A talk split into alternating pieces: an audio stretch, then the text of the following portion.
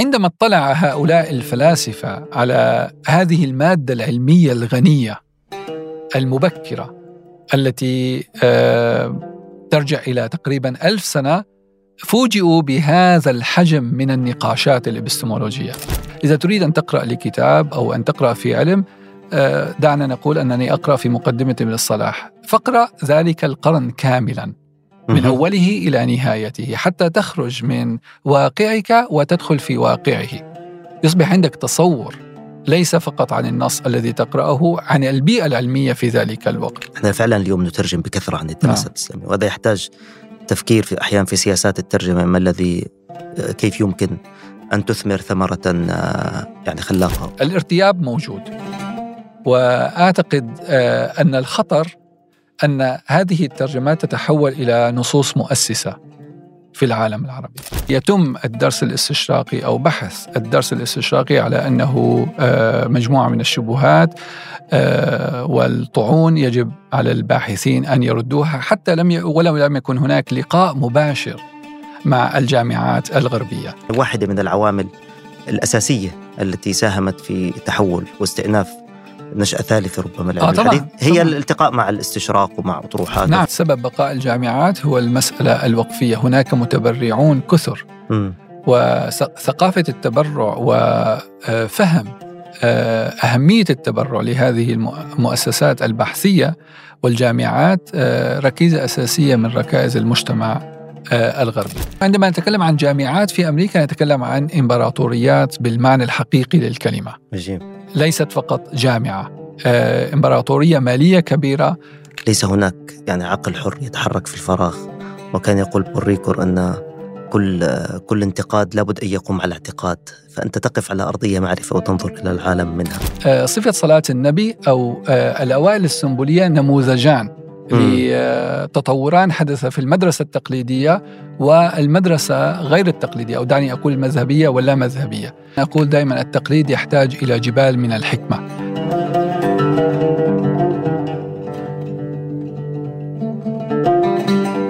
دكتور عصام عيدو مرحبا بك في فاصلة منقوطة وأهلا وسهلا سعيد أن أكرمتني ب آه، يعني بالقبول بإجراء هذا الحوار وأنت على سفر أهلا وسهلا بكم وشكرا جزيلا لهذه الدعوة. وطبعا فاصلة منقوطة هي آه، من ال من ال يعني المصادر المهمة اليوم لمن يتابع البودكاست ومن آه، يسمع يعرف يعني قيمة حنقلب الأدوار دكتور. يعني اليوم الآن خاصة في المقدمة لابد أن يعني آه، أمتدح يعني ما ما تقوم به من عمل. وأدخل بذلك إلى إلى الحوار. وأشكرك طبعا على هذا الثناء الكريم. آه، الحقيقة يعني عندما فاتحتك بموضوع هذا الحوار أنت اليوم أستاذ للدراسات الإسلامية والعربية في جامعة آه، فاندربيلت.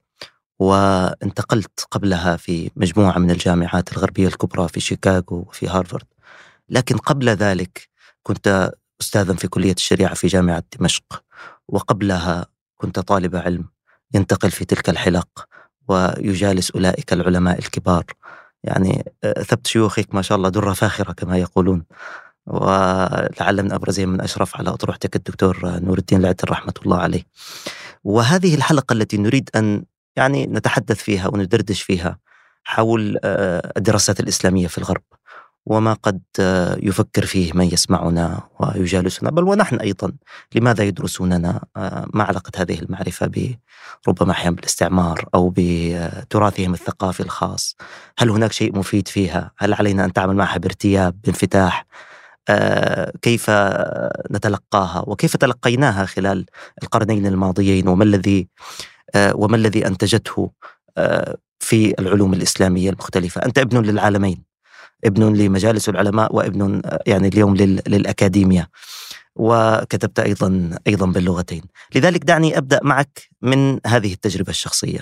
يعني بعد أن خرجت من سوريا وانتقلت إلى إلى الأكاديمية الغربية كيف استقبلتك تلك الأكاديمية الغربية وكيف استقبلتها؟ ما الذي أثارته عندك من من أسئلة من أفكار من ملاحظات؟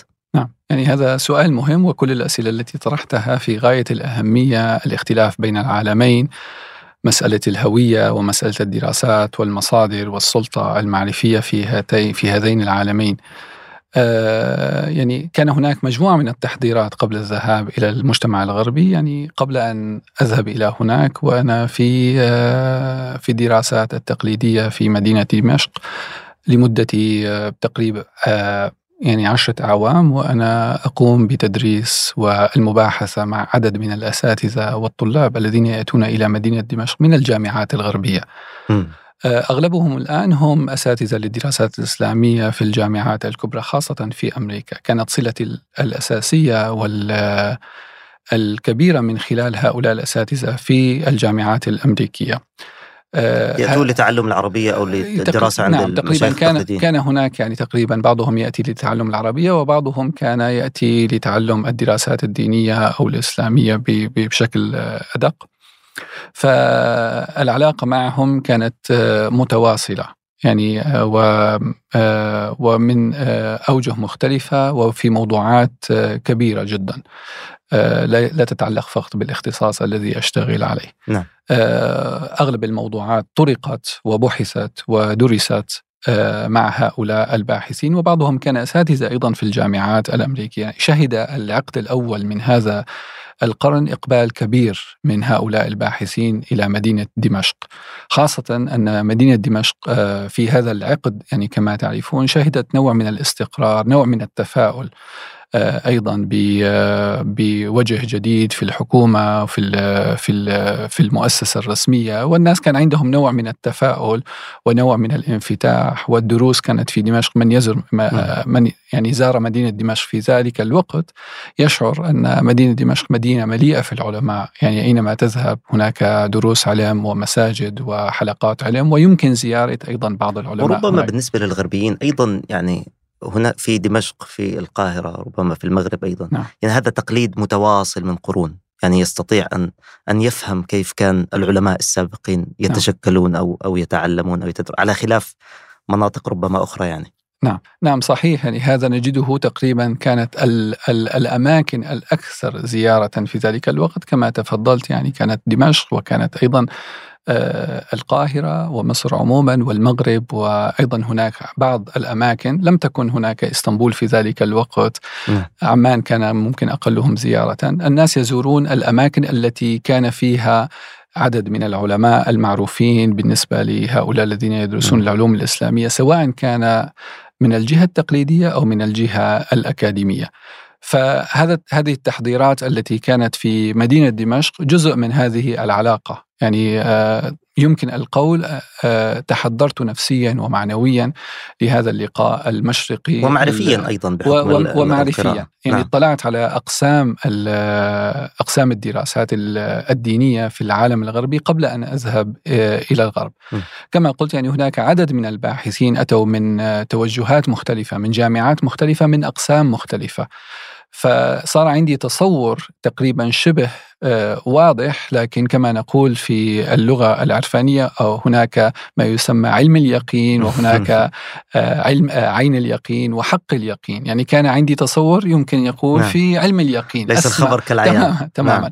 يعني عرفت عن هذه الدراسات دون أن أراها ودون أن أمارسها نعم. طبعا هناك تغيرات كثيرة حدثت من ذلك الوقت إلى هذا الوقت. يمكن أن نتحدث عنها لاحقا. لكن هذه التحضيرات ساعدت كثيرا على فهم آه، يعني ماذا يعني أن تدرس في الغرب دراسات إسلامية. ما ما أبرز يعني نقاط الاختلاف؟ يعني حتى قبل أن تذهب كيف كنت تقيم هذه الاختلافات بين من يدرس الإسلام في الغرب؟ آه، بمناهجه وبين من يدرسوه في في مكان مثل جامعة طبعا المسك. هذا سؤال آه، يعني كبير وليس لا يمكن الإجابة عنه بجواب واحد لكن من خلال أسئلتك يمكن أن نبني م. آه، نقاط ويمكن أن آه، نطور نعم. جوابا لهذا السؤال لكن هناك عناية في المنهج بشكل كبير جدا. من يدرس في الجامعات الغربية يعني السؤال النقدي هو السؤال الأهم. لا يمكن أن يأتي الطالب وفي جعبته مجموعة من الأفكار أو مجموعة من المعلومات فقط يكتبها هنا وهناك. المنهج هو السؤال الأهم وكيفية تخصيب النص وكيفية العمل على النص وكيفية تحويل آه هذا النص إلى أطروحة وإلى نظرية. وهناك لذلك تجد الكثير من الأبحاث ممكن لا قيمة لها معرفيا من قبل القارئ الشرقي.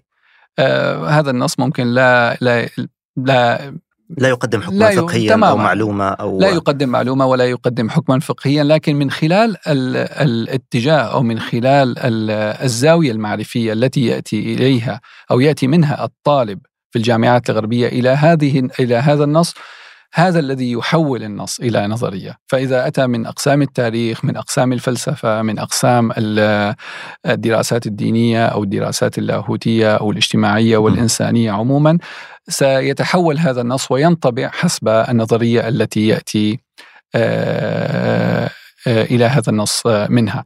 فسؤال المنهج هو سؤال مهم جدا له تبعاته له آه، مثالبه وله إيجابياته وفي المقابل يعني ما ندرسه في المجتمع الشرقي في المجتمع التقليدي في كليات الشريعة هناك أيضا أشياء يمكن وصفها بالمثالب ووصفها بالإيجابيات. يعني تجد الباحث الشرقي متعمقا أكثر آه، في مسألة المعلومة عنده آه، اطلاع على المصادر ويعرف من أين تؤكل الكتف لكن كيف يبني آه، تصورا متكاملا يتعلق بما يكتب هذا الأمر ينقصه. ولذلك نجد أن هناك الأشخاص الذين يميلون إلى بناء هذه الأطروحات في خاصة في عالمنا اليوم يتجهون إلى الغرب إما في الدراسة في الغرب وإما للترجمة وإما للعلاقة مع هذا الغرب.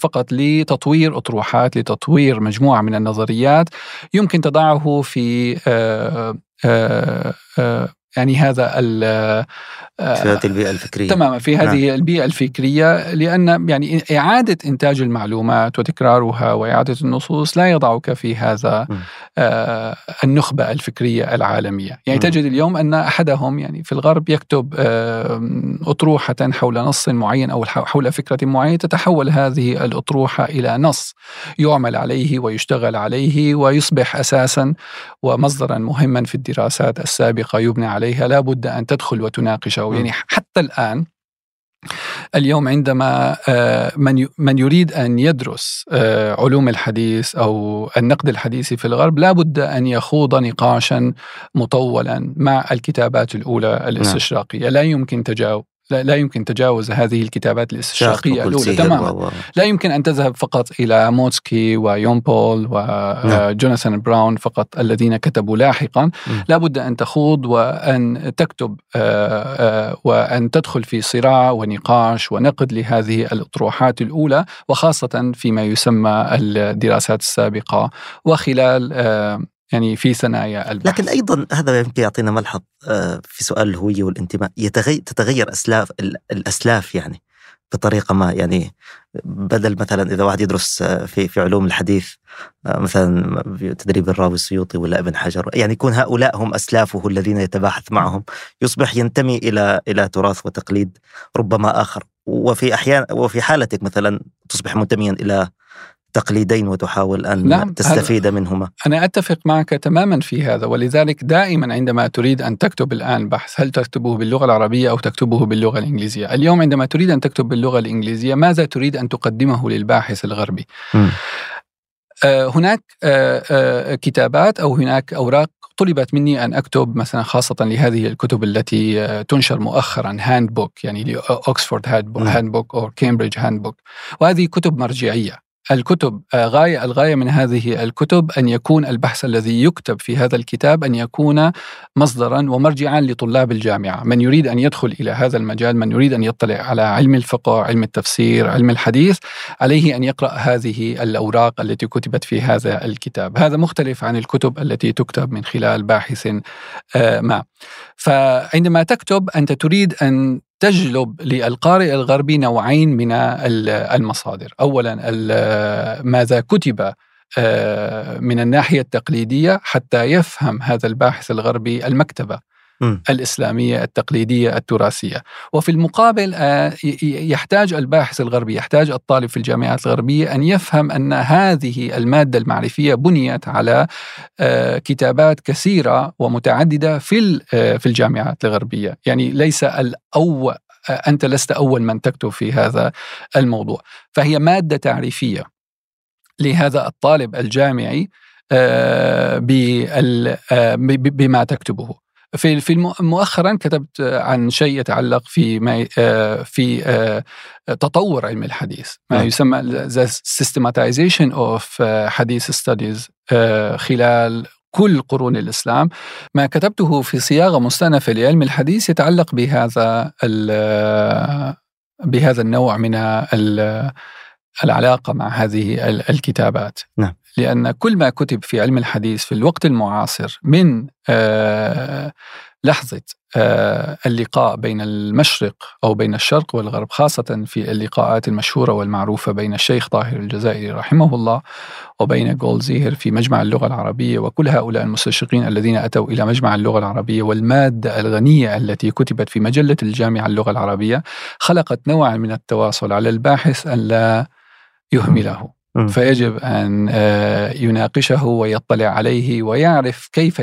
اثرت هذه الكتابات وأثرت هذه الأفكار على الدراسة على الدراسات الإسلامية وخاصة الحديثية فتجد نعم. يعني تقريبا في القرن العشرين الذين أغلب الذين كتبوا في علم الحديث بعضهم آه، خصص كتابا آه، كاملا لنقاشات المستشرقين كما نجد مع نشأ. السنة ومكانتها في التشريع الإسلامي للشيخ مصطفى السباعي رحمه الله أو صارت مادة لاحقة في علم الحديث يعني من يكتب كتابا في علم الحديث كمنهج النقد تجد أن المادة الاستشراقية حاضرة فيه. ككتابات الشيخ نور الدين رحمه الله م. وبالإضافة إلى ذلك نجد أن هذه الكتابات أثرت أيضا على التصور. آه، ربما بعضهم يناقش أن هذا الأمر يعني ليس عليه برهان. آه، لكن في صياغة مستأنفة وجدت أن كلمة المنهج آه، نفسها هي كلمة جديدة. نعم. في مجال وصارت الحديث. كثيرة الحضور حتى في عناوين الكتب في عناوين علم الحديث وغيره. لا نجد كلمة المنهج في تاريخ علم الحديث. نعم. يعني علم الحديث بدأ من الناحية التأسيسية. ويقول ابن حجر أنه بدأ مع المحدث الفاصل للرامة هرمزي لكن حقيقة ككتاب تأسيسي بدأ مع معرفة أنواع علوم الحديث أنواع. نعم. فكلمة الأنواع هي كانت المدخل لعلم الحديث. فنجد أن ابن الصلاح فيما بعد أيضا اشتغل على الأنواع. البلقيني اشتغل على الأنواع. السخاوي السيوطي كل هؤلاء اشتغلوا على الأنواع. هكذا إلى تقريبا بدايات بدايات حركات الإصلاح في في مصر وفي في الشام. نجد مسألة القواعد قواعد التحديث لجمال الدين القاسمي. اختلفت اختلف النقاش من الأنواع إلى القواعد، والقواعد هي نوع من المقاربة الكاملة، المقاربة الكلية لعلم الحديث.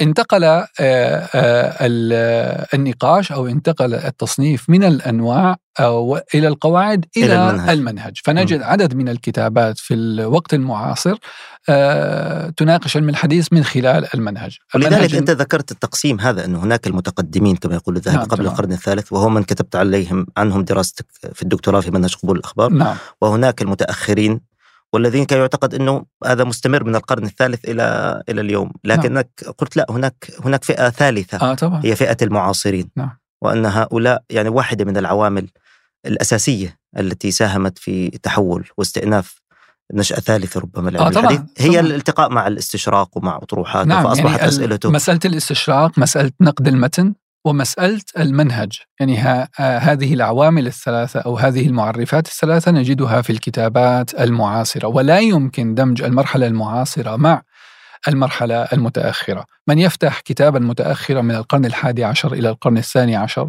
وحتى يعني يعني قبل قرن من الزمان في الكتابات الهندية، في الكتابات المصرية، في الكتابات الشامية آه، نجدها لا تخوض هذه النقاشات، عندما بدأ المنحى الأكاديمي وبدأ هذا اللقاء الشرقي الغربي نجد هناك آه، ثلاث عناصر صارت واضحة في الدرس الحديثي، اولا مسألة المنهج. صرنا نجد عددا من العناوين تحمل اسم المنهج منهج النقد منهج القبول المنهج المقترح. والمنهج هو تصور أكاديمي تصور كلي مستوعب وشامل للمادة التي تكتب بها. وربما هذا جرى على علوم إسلامية أخرى في أصول الفقه والفقه وربما أيضا في التصوف. والمسألة الثانية مسألة نقد المتن. وصار هناك عدد من الباحثين يركزون على أن علماء الحديث يشتغلوا على نقد المتن وهي مسألة جديدة في الحقيقة. هذه يعني يوجد كثير من النقاشات التي أو كثير من الكلام الذي يجب أن يقال هنا.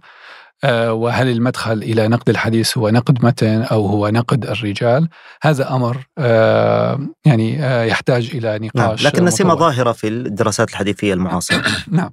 نعم فقلت هناك ثلاث سمات. وذكرت نعم المنهج, المنهج والنقد المتن دخول نقد المتن كمادة تناقش في كتب علم نعم. الحديث والظاهرة الثالثة هي الدراسات الاستشراقية أو الخوض مع نعم. الأفكار الاستشراقية في علم الحديث. فتجد من لكن في البداية كان على سبيل الشبهه يعني نعم وحتى الآن. السو... نعم. وحتى الآن في الدرس في الدرس التقليدي في كليات الشريعة في الجامعات التي تعنى بالدراسات الإسلامية يتم الدرس الاستشراقي أو بحث الدرس الاستشراقي على أنه آه، مجموعة من الشبهات آه، والطعون يجب على الباحثين أن يردوها حتى لم ولو لم يكن هناك لقاء مباشر مع الجامعات الغربية نعم. يعني تجد باحثا آه، هو في سوريا ولم يقرأ وحتى لم آه، يقرأ ما كتب باللغة الإنجليزية إنما يبني على ما بناه غيره نعم. يفتح الكتب التي كتبت في هذا في هذه المادة من الشيخ مصطفى السباعي للشيخ نور الديناتور والأعظمي وغيرهم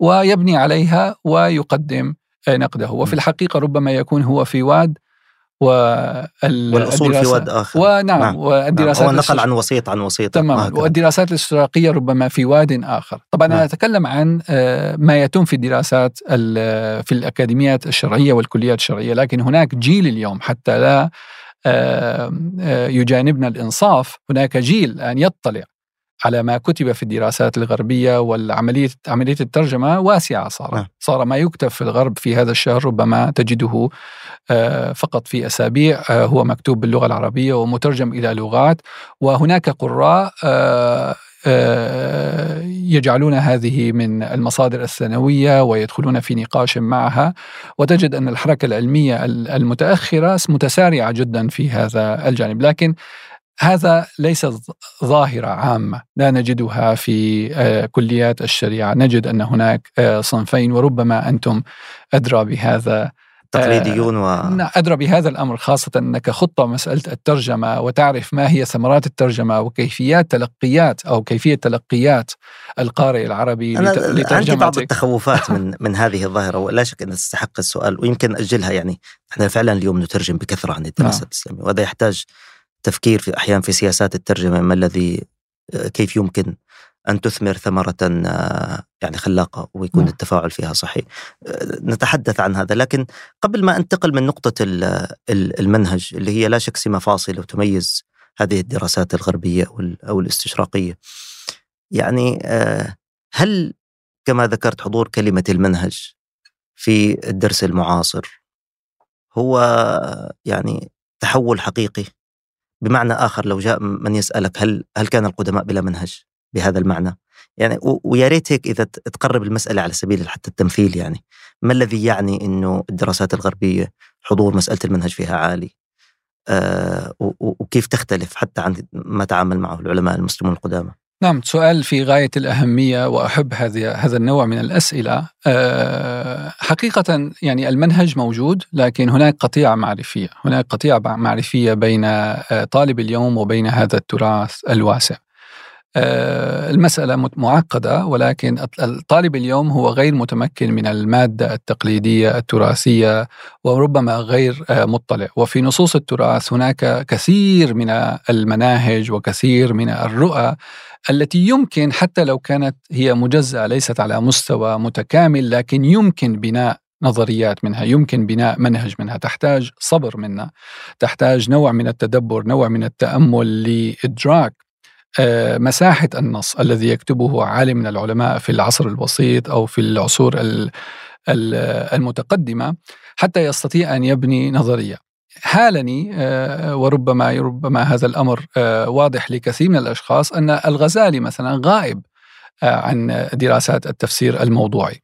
يعني هناك منهج متكامل من يقرأه يعرف مدخله ويعرف مخرجه ويعرف النظرية الكاملة لكن مغيب كاملا نعم. هناك مناهج أخرى. في كتاب جواهر القرآن نعم في كتاب جواهر القرآن. والكتاب آه، صغير لكن آه، لم يعطي آه، عندما تقرأ للغة الإمام الغزالي. هي لغة لا أقول هي غامضة لكن لغة فيها تقديم وتأخير وفيها نوع من آه، الفصول التي يجب أن تربطها ببعض. نعم. يعيد الكلام ثم يعيده ثم يرتبه ثم يقدمه ثم يؤخره. وهناك مصطلح خاص للإمام الغزالي في كتابه وهذا المصطلح خاصة أن الكتاب كتب في مرحلة متأخرة.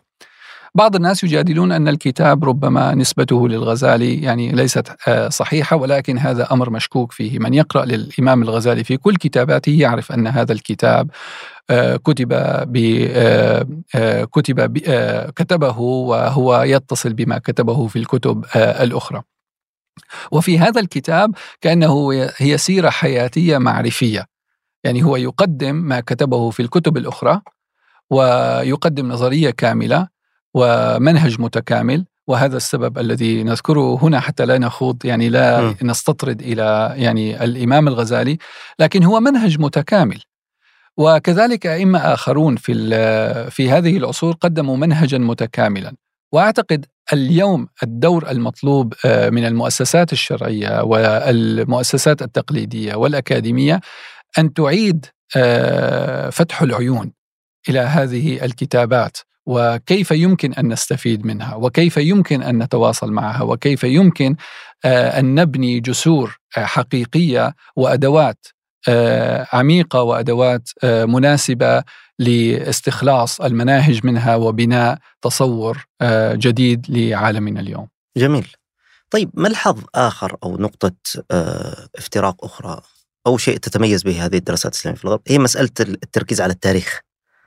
آه، سواء إن كانت يعني تاريخانية مفرطة. صحيح. تريد أن تلخص كل شيء إلى صراعات أو إلى تأثير سلطة سياسية أو غير ذلك من أنماط التحليل أو على الأقل هذا الاهتمام بتاريخ العلوم.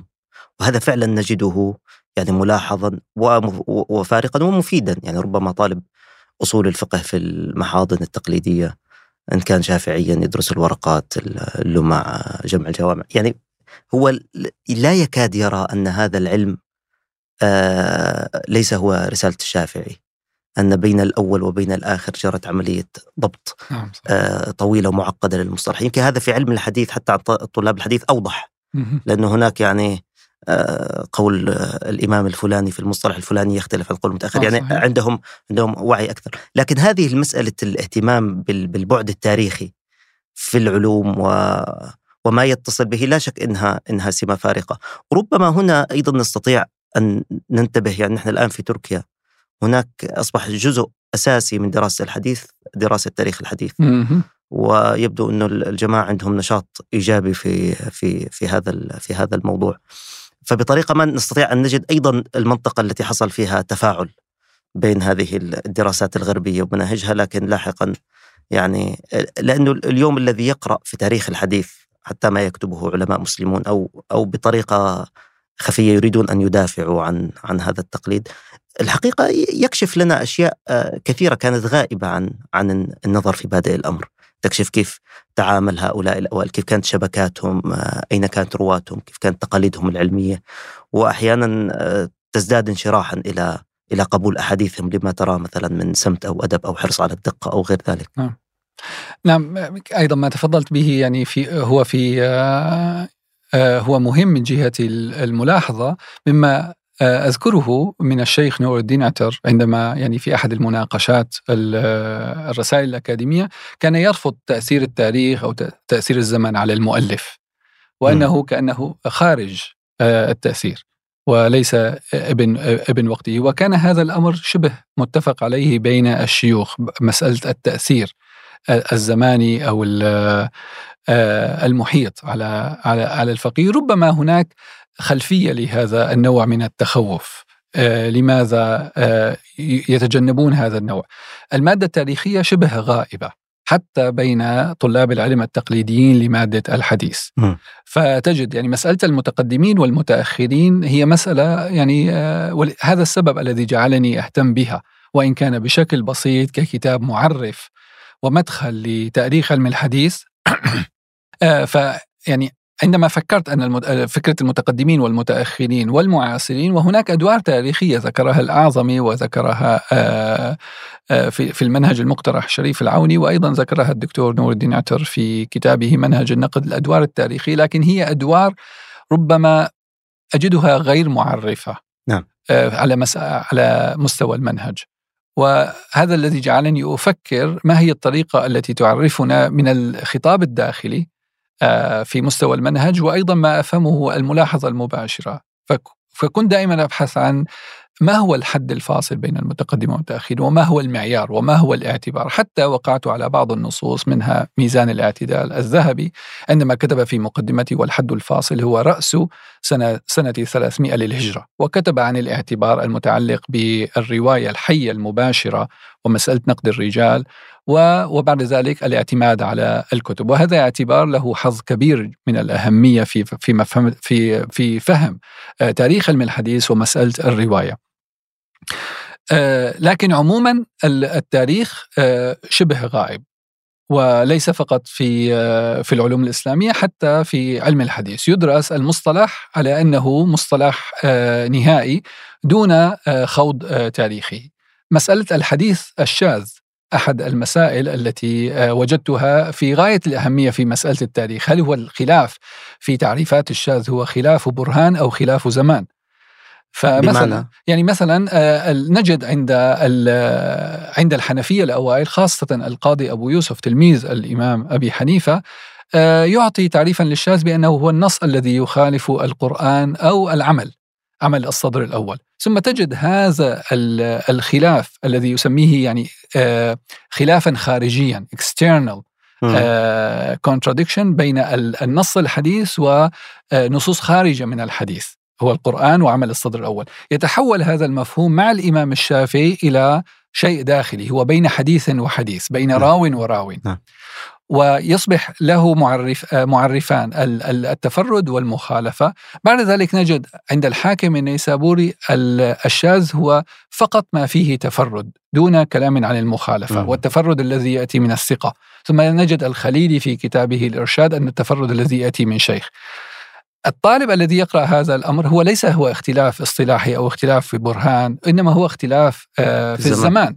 المسألة تتعلق في آه، كيفية بناء وسائل لنقد الحديث في القرن الثاني عندما كان الحنفية على الخط الأول في القضاء ويحتاجون أن يعطوا تصورا واسعا لهذا النص القرآني والحديثي والمجتمعي. ثم بعد ذلك آه، مع الإمام الشافعي حول هذا إلى آه، نقاش داخلي في الحديث. بعد ذلك عندما نأتي إلى القرن الرابع الهجري أن عندما بعدما تأسست المدونة الحديثية أي نص يأتي في ذلك القرن ولو كان متفردا يكون شاذا؟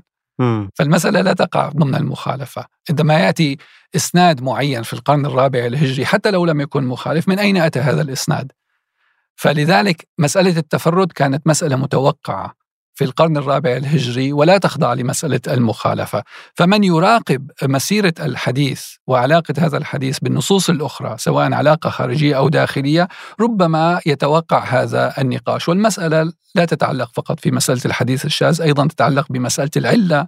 ولذلك نجد هذا النقاش الذي وضحه ابن دقيق العيد في الإلمام وفي المنهج المقت... في في كتابه المنهج. آه آه نسيت اسم الكتاب الذي نعم. كتبه آه، في علم الحديث يوضح أن أنظار الفقهاء تختلف عن أنظار الاقتراح في في بيان علم الاصطلاح آه، تختلف آه، هذه المفهوم العلة والشذوذ بين أنظار الفقهاء وأنظار المحدثين ربما توسعت قليلا لكن فقط أريد أن أعطي نعم. مثال لمسألة التاريخ وكيف يمكن أن تؤثر على دراسة المصطلح وهذا أمر يعني بينته في كتاب منهج قبول الأخبار كيف نقارب بعض المصطلحات من جهة الزمان.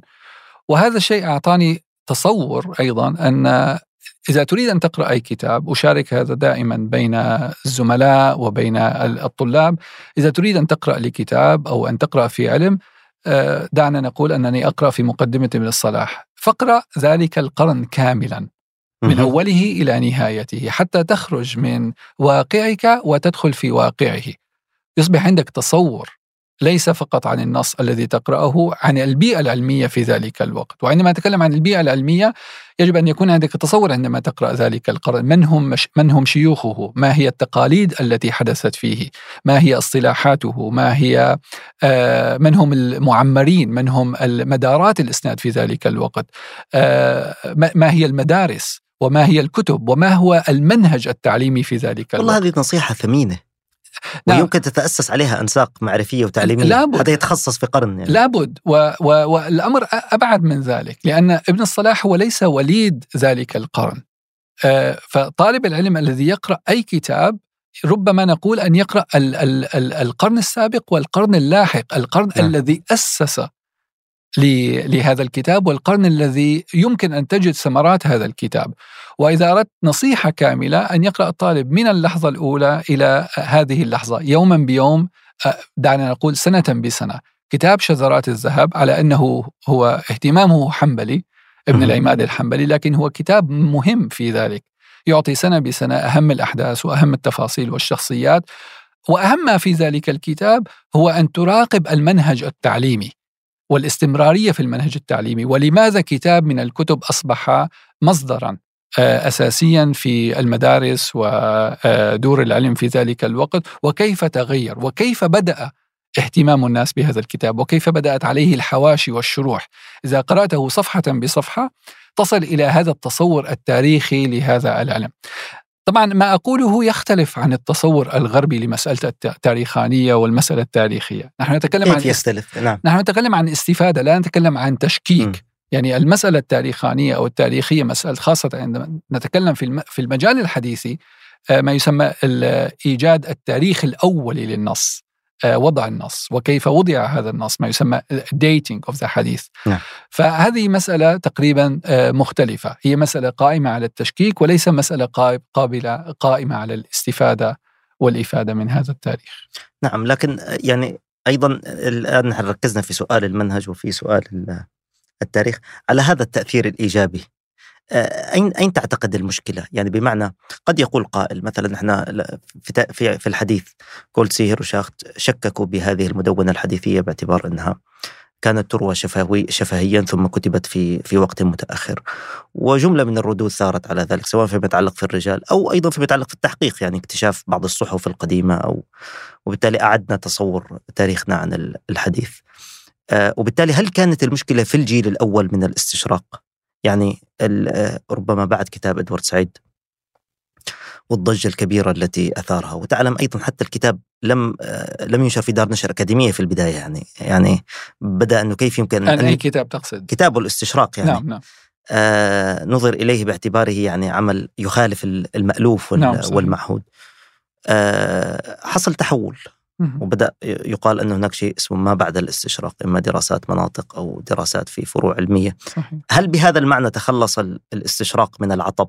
يعني أو من من ذلك القصور المنهجي اللي يقوم على نبرة تشكيكية. ربما أيضا في البدايات البعيدة كان مرتبط بالاستعمار. آه يعني كيف كيف كيف ترى اليوم هذا التحول وثمراته؟ صحيح. الاستشراق المقولة الأساسية في الاستشراق أو المنهج هو أنه منهج نقدي. وعندما نتكلم عن منهج نقدي يعني هو يحمل في رحمه بذور موته. هذه ربما لغة يائسة أو لغة لأن النقد يولد النقد. لا يمكن أن تأتي بأطروحة ويخضع لها الآخرون. لا بد أن يأتي من يأتي بعدك أن ينقد هذه الأطروحة. وهذا النقد آه، ربما يكون حسب الصلة بهذا النص المسلم. واليوم يعني كثير من الباحثين يبني هذا النقد على كيف هو يتصل بمنطق التراث من داخله وأنه أعمق من من من, من هذا الداخل. نعم. فنجد مثلا في في الدراسات الحديثية من جولزيهر لشاخت ليومبو لجوناثان براون وموتسكي براون أشار إلى مسألة مهمة جدا أن كتب العلل وكتب السؤالات غيبت كاملا في الدراسات الإستشراقية ما يعني ماذا يعني هذا الكلام؟ كيف نفهم هذا؟ ما هو مفهومه؟ هذا المنطوق لكن ما هو مفهومه هو يريد أن يقول كل ما كتب يحتاج إلى مراجعة كلية لأن المادة الأساسية العمود الفقري والهيكل العظمي للمادة الحديثية يكمن في هذه الكتابات والكتابات الاستشراقية تجنبت الخوض في مادة العلل والسؤالات. هذا يعطي نوع من التعرية للخطاب الاستشراقي في المادة الحديثية.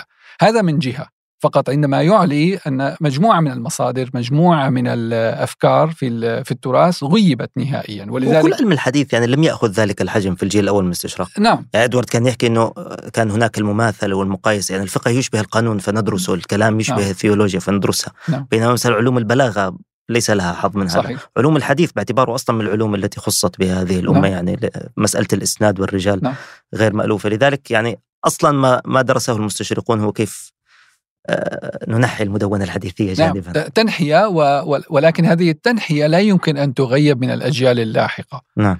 كلما تقدم الزمن كلما تطورت الدراسات الحديثية لا يعني يمكن لا نجد كتاب منذ عشر سنوات يدرس مادة السماعات أو مادة م. الإجازات ربما سيكون مستهجن ف... أو ممكن من عشرين سنة فهذه مادة يتوقع أن أن تكتب ويتوقع أن تنجز مادة الشروح الحديثية نعم. كل هذه المواد يتوقع لأن هناك تقليد يبنى في الغرب ولذلك يعني كان بعض بعض الناس يستغرب أن آه، اهتمامات بعض المستشرقين تحولت من من العصر المبكر إلى العصر الوسيط، وهذا يعني أن العصر المبكر أخذ مساحته من الدراسة. م. فالرجوع إلى العصر الوسيط أو التركيز على العصر الوسيط هو مادة الشروح هذه آه، آه، حقل جديد نعم. للباحثين وتجد يعني في الفترة المتأخرة هناك من يكتب على ابن حجر ومن يكتب على السخاوي ومن يكتب على السيوطي.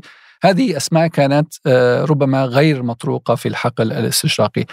لكن المادة الأولى التي الشيء الأول الذي ذكرته هو ما ما ما قلته هو اللفت لفت الانتباه إلى مواد مغيبة.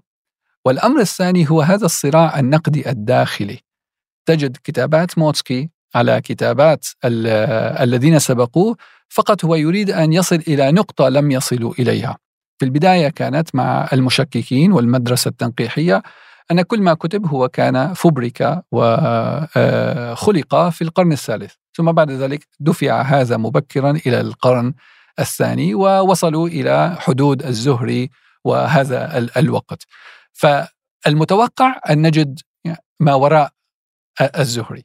المادة اليوم الأصيلة التي يجب أن يكتب لها القبول في الغرب هو كيف يمكن أن تبرهن على بطلان هذه النظرية. لا يعني أن الكل يؤمن بهذا المنحى لكن من يطلع ومن يقرأ وخاصة هذه المؤتمرات الأكاديمية السنوية هناك أشخاص يتابعون ويبحثون ويعرفون هذا المنطق وربما يريد أن يبين خطأ آه، هذا الباحث ويذهب أبكر مما ذهب آه إليه. لكن يبدو هناك يعني فجوة لا يمكن تجسيرها.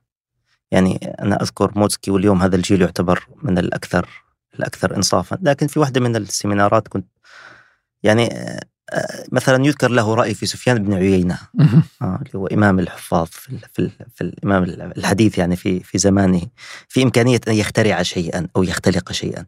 الآن القراءة الداخلية لعلم الحديث عند المسلمين.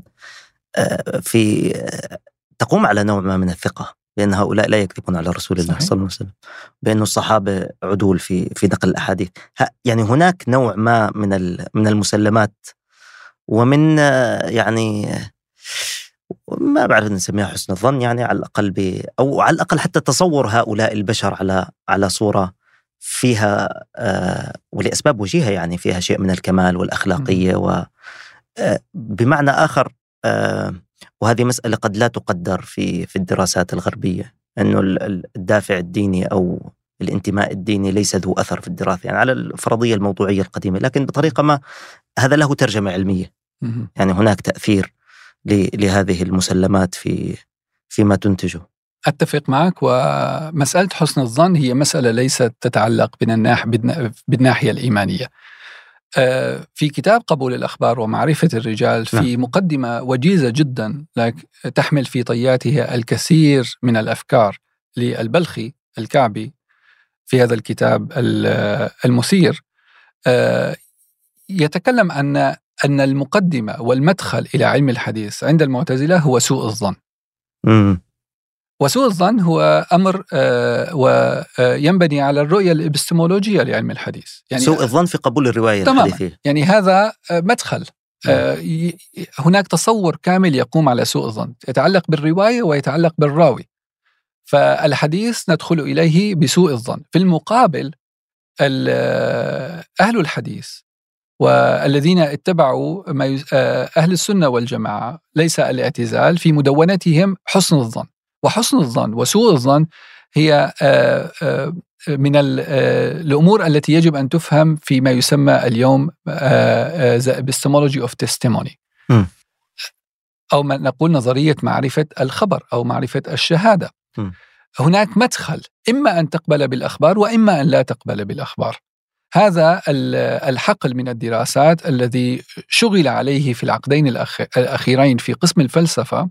في أقسام الفلسفة في الغرب وخاصة في أمريكا نجد كثير من الدراسات وكثير من الأبحاث وأيضا هناك مذاهب وهناك مدارس. اليوم نحن أمام ثلاث مدارس في مسألة إبستمولوجية الشهادة. المدرسة الأولى يمكن تعريفها باللغة العربية بأنها المدرسة الاختزالية باللغة الإنجليزية هم ريدكشنزم والمدرسة الثانية هم اللا اختزاليون وهم non-reductionism والمدرسة الثالثة هم آه، ما يسمى المدرسة الهجينة ال hybrid. المدرسة الأولى الذين هم آه، الاختزاليون هم لا يقبلون الخبر كمصدر من مصادر المعرفة. يعني هذا يقوم على سوء الظن. نعم. ولا بد حتى يثبت الخبر آه، نفسه كمصدر من مصادر المعرفة هناك أمور استدلالية وحسية وعقلية حتى يقوم الخبر على رجليه. نعم. المدرسة اللا اختزالية ترى أن الخبر مصدر من مصادر المعرفة وأنه أن هذه الحالة الافتراضية والحالة الفطرية للإنسان كالطفل الذي يسمع من أبيه أي شيء ولو كان هذا الشيء خارج هذا البيت غير مقبول. سيشارك الطفل هذا الأمر مع أصدقائه في المدرسة مع حلقته بثقة. وهؤلاء يقومون على هذه الفطرة الإنسانية.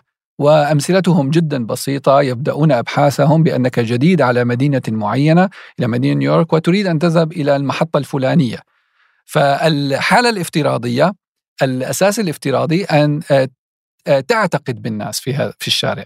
وأن آه، الشك بالناس وسوء الظن بالناس هي حالة غير منطقية. وبعد ذلك أنت تغير وتعدل منهجك وتعدل الشروط التي آه، تقبل بها كلام الناس. لو تبين لك أن الأول دلك بطريق خطأ أو دلك على طريق خطأ ستسأل الثاني ثم ثم ستسأل الثالث. وبعد ذلك بعد يومين لو عرفت أن أحد قال لك أن أهل نيويورك هم يدلون الناس بطريق خطأ. هذا صار عندك خلفية معرفية عن هذه المدينة. نعم. صار تصور آه، خارج مسألة الأخبار. لكن الحالة الافتراضية أن تقبل الأخبار. المدرسة الهجينة طورت مجموعة من الشروط ومجموعة من المعايير آه، يقولون الخبر لا بد أن نقبله لكن نحتاج إلى مجموعة من الشروط ونحتاج إلى مجموعة من المعايير ولا يمكن التسليم بقول اللا اختزاليين لأن ربما نتهم بالسذاجة والبساطة.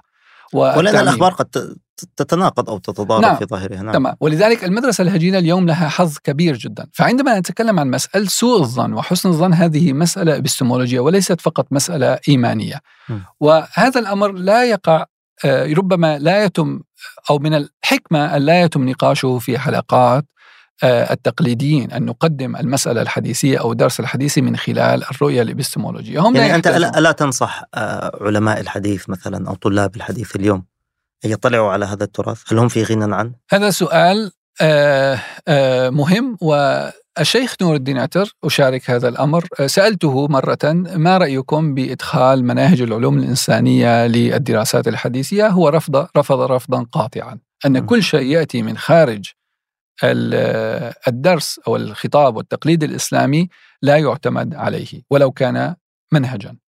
ليس فقط على مستوى الأفكار منهج أو أفكار. أرى أن هذا الأمر له حظه. لكن المسألة تتعلق ربما بشيء أو بآخر نفس التصورات الأساسية المبكرة حول استخدام المنطق في العلوم الإسلامية ودخول الفلسفة وغير ذلك. نحن اليوم في عصر هذه العلوم لها لها أجندة لها أجندة في الدراسات الإنسانية وفي الدراسات الغربية. أعتقد ما يتعلق في مسألة ال epistemology of testimony هي مسألة بعيدة عن هذه الأجندة. هي تتعلق كيف يمكن أن نسوغ أو نبرر لهذا الخبر أن يكون صادقا. ما هي الشروط الإنسانية التي يمكن أن نتبعها لنقول ما أسمعه أو ما أقوله أمامك هو خبر صادق؟ ولماذا بعض الناس يتبعون آه هذا هذا النوع من الأخبار؟ كما نعرف في أمريكا هناك آه آه مذهب أهل أو أهل Fox ال News وأهل CNN. ونفس الشيء يعني في الحلقات في البودكاست في في المشاهد العربي وحتى الأمر ينطبق على ال social media. نفتح ما نحب أن نشاهده. يعني ال timeline وكل ما نفتحه في ال social media هو ما نشاهده أو ما نحب أن نشاهده. فالأمر نفس الشيء في ال epistemology of testimony يقرب كثيرا من مسائل علم الحديث بهذه اللغة المعاصرة. فدراسة علم الحديث اليوم وتقديمه من هذه الجهة يمكن ينفع للمخاطب العام وليس الطالب العلم التقليدي. من يريد أن يكون طالبا علما تقليديا وفي نفس الوقت في الحقل الأكاديمي وفي الدراسات الأكاديمية سيساعده كثيرا. وسيبني له مجموعة من التصورات يمكن أن يفهم من خلالها هذه النصوص التي كتبت في كتاب ابن عدي آه، الضعفاء. كثير من النصوص تفهم من هذا الجانب من هذا الحقل epistemology اوف testimony والمسائل التي تتعلق بالأمور المعرفية. آه، بدأ الاهتمام بهذا الجانب منذ تقريبا آه، عشر سنوات اطلعت عليه وقرأت فيه. وبعد ذلك هيأ آه، آه، مجموعة من الأشخاص والحمد لله هناك الآن طالب يناقش الدكتوراه في الدمج بين هذين المجالين م. وهذا الدمج ليس في جامعة عربية تناقش نفسها وبين الدارسين المختصين آه، الدراسة هنا في تركيا آه، لكن الخلفية لهذا البحث أنه تواصل وهو يدرس مع الفلاسفة الذين أنتجوا المذهب الهجين. أيوة. الذين يشتغلون على ما يسمى ال hybrid school نعم. فكل هؤلاء الذين هم آه، المشهورين في هذا الحقل آه، لم يطلعوا ابدا على علم الحديث ولم يعرفوا ابدا بالدراسات الإسلامية وغيرها. وكما تعرف علم الحديث هو في حقل أو في أقسام آه، ما يسمى NELC Near Eastern Studies أو ال Divinity School أو Religious Studies الدراسات الدينية أو دراسات اللاهوتية أو دراسات الشرق الأوسط ليس في الدراسات الفلسفية. فعندما اطلع هؤلاء الفلاسفة على هذه المادة العلمية الغنية المبكرة التي آه، ترجع إلى تقريبا ألف سنة فوجئوا بهذا الحجم من النقاشات الإبستمولوجية وعندما أتكلم عنها يعني أقول آه، المصادر هي الطحاوي الجصاص آه، البصري الرسالة للشافعي كتابات الشيباني كتابات المحدثين الأوائل مادة معرفية ضخمة جدا. تزود المكتبة الفلسفية الغربية في هذا الحقل آه، بنصوص هائلة ولا متناهية. واطلاعهم على هذا دفعهم إلى الاهتمام بنوع من الحلقة البحثية الكبيرة التي تجمع بينهم وبين الأشخاص الذين هم في المجال التقليدي. عجيب. بحيث يقرأ هذه النصوص يقرأ الدارس التقليدي نصوص الكتابات التي كتبت في العقدين الأخيرين من خلال الذين يشتغلون على ال epistemology of testimony وهؤلاء يقرؤون هذه النصوص الطحاوي عبر ترجمتها وعبر آه، الاطلاع عليها. أنا أعتقد أن هذا النوع سيجعل آه، سيخلق تحولا في علم الحديث ويخرج المادة الحديثية وأنا متفائل ربما آه، بعضهم يعني يشكك في هذا يخرج المادة الحديثية من المادة التاريخية إلى السؤال الأهم في هذه الكتب المبكرة. يعني لو فتحنا كتاب الرسالة لو فتحنا كتاب الطحاوي السؤال المبكر هو كيف ما هو المعيار الذي يجب أن نتبعه لنقول أن هذا الخبر صادق؟ المعيار الإنساني. عندما أسمع خبرا ما هو المعيار؟ عندما نفتح كتاب آه، مبحث الأخبار والسنة في كتاب المعتمد للبصري 200 صفحة مادة غنية جدا في الجواب عن هذا السؤال، مسألة العلم والعمل ومسألة أنه آآ آآ الاعتقاد وأن هذا يوجب العلم ولا يوجب العمل أو يوجب العمل ولا يوجب العلم والإمكانيات الاعتقادية التي تتعلق بالحكم العادي والحكم العقلي والحكم الشرعي في مسألة الأخبار، وكل هذه المادة هي مادة إبستمولوجية في حقل ال epistemology of testimony. هذا جميل، طيب يعني آخر نقطة في هذا المحور ان شئنا القول يعني إذا كان العالم في القديم فلنقل الغزالي يعني ملما بعلوم ملته وملما بعلوم كتب مقاصد الفلاسفة وعلوم يعني الملل الأخرى الحاضرة في الساحة الثقافية، أليس هذا شرطا على يعني هذه العلوم تشكلت ضمن بيئة ثقافية متفاعلة ثم بعضها أدمج حتى أصبح جزء أساسي من علوم الآلة ومن ومن أدوات النظر. هل هل يمكن أن هل يمكن أو يجب أن يحدث شيء من هذا؟ أن ال يعني من التواصل؟ نعم. من المؤكد. نحن نعيش خاصة اليوم في وقت مختلف حتى عن وقت الإمام الغزالي. نعيش في وقت يتوجب علينا لا مفر من ذلك. ولا يمكن بناء مقولات مبنية على القطيعة لأن مجبرون. الكتاب بس هو هذا اللي بيخوف إنه مجبرون. بمعنى تلك أمة قد خلت في نعم. حق اليونان. نعم. هذه كتبها. آه نعم. يعني دباباتها لا وطائراتها لا تحيط بك وبوارجها ليست في بحارك. اليوم أنت أنت أحيانا تنظر ب ب بنوع من من ال من الارتياب إلى إلى لماذا ينت... لماذا يدرسني؟ آه؟ و... وكيف يمكن؟ حتى اليوم يعني نحن شفنا من كتب دستور العراق كان كان باحث ممتاز يعني في في في في التاريخ الإسلامي وغير ذلك يعني هناك هذا ال... الاتصال ربما اللي سماه أدوارد سعيد ثقافه وإمبريالية في في نفس الوقت، هل علينا أن نتحلى بالثقة؟ يعني ونحن نشعر بأنه آه أنه هذه علومنا وهذه حقائق ديننا لن تذوب وتستطيع أن كما كما في تاريخها أن تستقبل وتستضيف علوم الأمم الأخرى وتأخذ منها ما ينفع وتترك منها ما لا ينفع. نعم الأمر آه، مخيف ويبعث على الارتياب، الأمر ليس بهذه السهولة خاصة عندما تجد أن الأطروحة الغربية أو الأطروحة في الأكاديمية الغربية آه، تترجم ممكن في نفس السنة وخاصة بعض الكتاب الذين يكتبون في الغرب اليوم لهم آه، تأثيرهم الواسع. خاصة بين الذين يدرسون في الدراسات التقليدية صاروا يعرفون أسماء مثل آه، وائل حلاق وكتاباته. ولكن في نفس الوقت يعني نجد أن هناك نقدا لوائل حلاق. من هؤلاء الذين يدرسون في العالم الشرقي وفي الكليات التقليدية وهناك باحثين جادين ويعرفون آه، من أين آه، كيف تقرأ هذه النصوص. هم مؤصلون.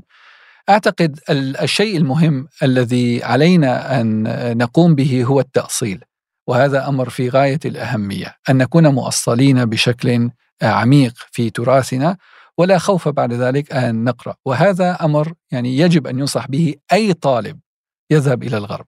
لا يذهب إلى الغرب دون تأصيل. الأكاديمية الغربية مفتوحة وهم سيستفيدون منك. وربما تتطور كثير من المسائل وكثير من النقاشات بناء على انخراطك في الخطاب الأكاديمي الغربي، لكن عندما تأتي مؤصلا فالتأصيل مهم جدا. وشهدت كثير من الأطروحات التي يمكن أن تكتب في بعض ال ال ال ال الأقسام الغربية كقسم اللاهوت الذي يجب أن تكتب به الأطروحة في إطار معين. وهذا الأمر ربما نتناقش عنه فكرة ال ال رسالة كل قسم من الأقسام في الجامعة الغربية. لكن هذا القسم وهذه الرسالة ربما لا تؤثر على هذه الأطروحة. آه، أحد الأطروحات التي كتبت في جامعة شيكاغو في ال Divinity School كانت عن قول الصحابي وسلطة آه، وعمل الصدر الأول. وفي من خلال المذهب الحنفي ودراسة ونقد للفلسفة القارية وغير ذلك كتبها الطالب بنفس حنفي متعمق ومتأصل. وحسب مشرفه أنها أحد أهم الأطروحات التي أشرف عليها في حياته الأكاديمية. هذا النوع من العمل آه، سيساعد الخطاب الغربي على فهم المادة التراثية ربما يقترب منها أكثر. وهو أصبح أكثر تقبلا يعني في ونعم هذه أصبح المقاربات التأويلية. تقول من الجيد أن تنطلق من تقليد أو من نعم يعني أنا أتفق معك وأشاركك ال ال النظرة أن هناك تقبل أكثر خاصة عندما تأتي من جهة تأصيلية. هناك آه، آه، الاستشراق ربما الدراسات الغربية دعنا نقول متطورة وفيها نوع من الديناميكية اليوم. ليست جامدة ليست ثابتة. وتنقد بعضها وإذا أتيت إليها بجديد وعميق آه، سيتم هذا التغيير. وهذا لاحظته سواء في مجال التاريخ الفرق الإسلامية في مسألة أصول الفقه في مسألة الحديث في التاريخ الإسلامي. في كل هذا وجدته أن هناك متغير. الارتياب موجود. وأعتقد آه، أن الخطر أن هذه الترجمات تتحول إلى نصوص مؤسسة في العالم العربي. وعندي خوف شديد من آه، أشارك هذا الخوف. عندما تجد أن هذه المادة التي كتبت وربما تحمل نظرية مبنية على نص هنا وهناك دون أن يكون نظر متكامل ودون أن يكون هناك تأصيل تجد أن هؤلاء الباحثين العرب أو الباحثين المسلمين يتقبلون ويتلقون هذه النظريات كأنها مسلمات ويبنى عليها. وهذا إشكال كبير خاصة عند أشخاص غير المؤصلين. وهذا آه، يخلق نوع من الخوف خاصة عند آه، ممكن هذا ربما نتكلم عنه لاحقا خاصة الذين لا يتبعون نظرة معينة آه، للتراث الإسلامي من خارج المذهب. أغلب من وجدته وجدته مؤصلا وعنده نوع من المدرسة العلمية. نعم المدرسة العلمية التي آه، أصلت مذهبيا. الذي يأتي إلى الدراسات الغربية من التوجه المذهبي لا نجد عنده هذه المشاكل. هو يعرف أن المذهب أنا أتكلم عن الباحث المؤصل في الغرب.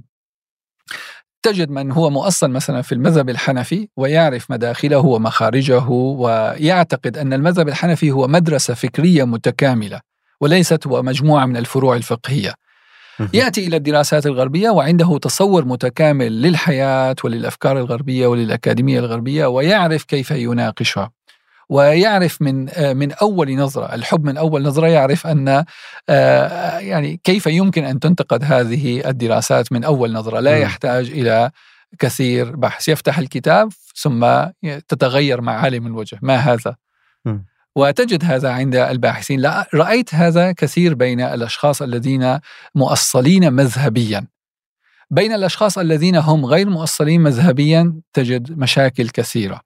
وأنا أعتقد أن هذا النوع من الملاحظة يجب أن تفهم ويجب أن تراعى ويجب أن يعطى لها اعتبار. عندما نتكلم عن مذهب نحن نتكلم عن تطور فكري آه، متكامل. والذي يدخل في هذا الإطار والذي يفهم هذا الشيء عنده تقليد متماسك تقليد منظم تقليد متكامل. وأن هذا التقليد يجب أن عندما تدخل فيه أي فكرة نعم يمكن أن تناقش ويمكن أن تتبنى إذا كانت هذه الفكرة مؤصلة. فهناك أشخاص من داخل المذهب خالفوا المذهب. صحيح. يعني تقليديا يعني ليس بالضرورة أن توافق المذهب. يعني اللكنوي إذا قاربته كحنفي يعني هو سلفي حنفي. آه، من داخل المذهب ويخالف رجالات المذهب نعم. لكن بلغة داخلية وخطاب داخلي هو التقليد يعني كما بات يقال كان يقول طلال الأسد يعني ليس تكرارا هو استطراد نعم. يعني هو عملية نامية طوال الوقت يعني لكنها لكن هذه هذه الملاحظة لعلها لافتة للاهتمام آه آه المذهبية في في في عالم لا لا يصارع اليوم مذاهب أخرى إنما يصارع نظريات وأنساق وأنساق فلسفية أخرى. صحيح. طيب دكتور عصام أريد أن أنتقل آه، معك إلى آه، هذه المؤسسات إلى هذه الجامعات وأقسام الدراسات الإسلامية وربما يعني تفيدنا رحلتك الطويلة بين هذه الأقسام في الإضاءة على يعني كيف تعمل؟ كيف يعمل هذا الجهاز الضخم؟ ما ينتج من من أبحاث وما ينتمي إلى مدارس وما ينتمي إلى إلى تقاليد آه، كيف تصف هذه الشبكة المعقدة من من أقسام الدراسات الإسلامية وتقاليدها؟ نعم آه، سؤال في غاية الأهمية للمتلقي العربي والمتلقي الغربي. عندما كنت في جامعة دمشق أغلب أغلب الأقسام متشابهة حتى لو سميت آه، كلية الشريعة، كلية الدراسات الإسلامية، كلية اللاهوت، سمعت حتى هنا أن كلية اللاهوت تسمى كلية اللاهوت لأن نحن نتكلم عن تركيا آه، تسمى كلية اللاهوت لأن كلية الشريعة أو اسم الشريعة اسم مخيف لجمهور عريض من الناس في فترة. نعم. نعم. في فترة معينة كلية الإلهيات نعم. في فترة معينة كانت آه، تبث الرعب أن تسمي الأمر بكليات الشريعة. ف لكن عندما نتكلم عن الإلهيات كلية الإلهيات مضمونها في النهاية هو الدراسات الإسلامية والدراسات الشرعية وغير ذلك كما نشاهد اليوم في آه، الجامعات التركية. في العالم العربي الأمر آه، لا ليس فيه نوع من التمايز سواء كنت تدرس في هذه الكلية أو في هذا القسم. في النهاية لا يوجد آه، محدد نسميه باللغة الإنجليزية mission يعني ما هو رسالة هذا القسم. من الأشياء التي لفتت انتباهي وأنا أدرس آه، آه، بين جامعة شيكاغو وبعد ذلك جامعة فاندربيلت. ومن خلال هذه المؤسسات آه، كنت في أحد اللقاءات مع رئيس قسم الدراسات الدينية وقال لي نحن نفترق عن كلية اللاهوت بأننا كلية مبنية على تحليل العالم. بينما كلية اللاهوت أو كليات اللاهوت مبنية على تغيير العالم. ما يسمى analysis analyzing the world or changing the world.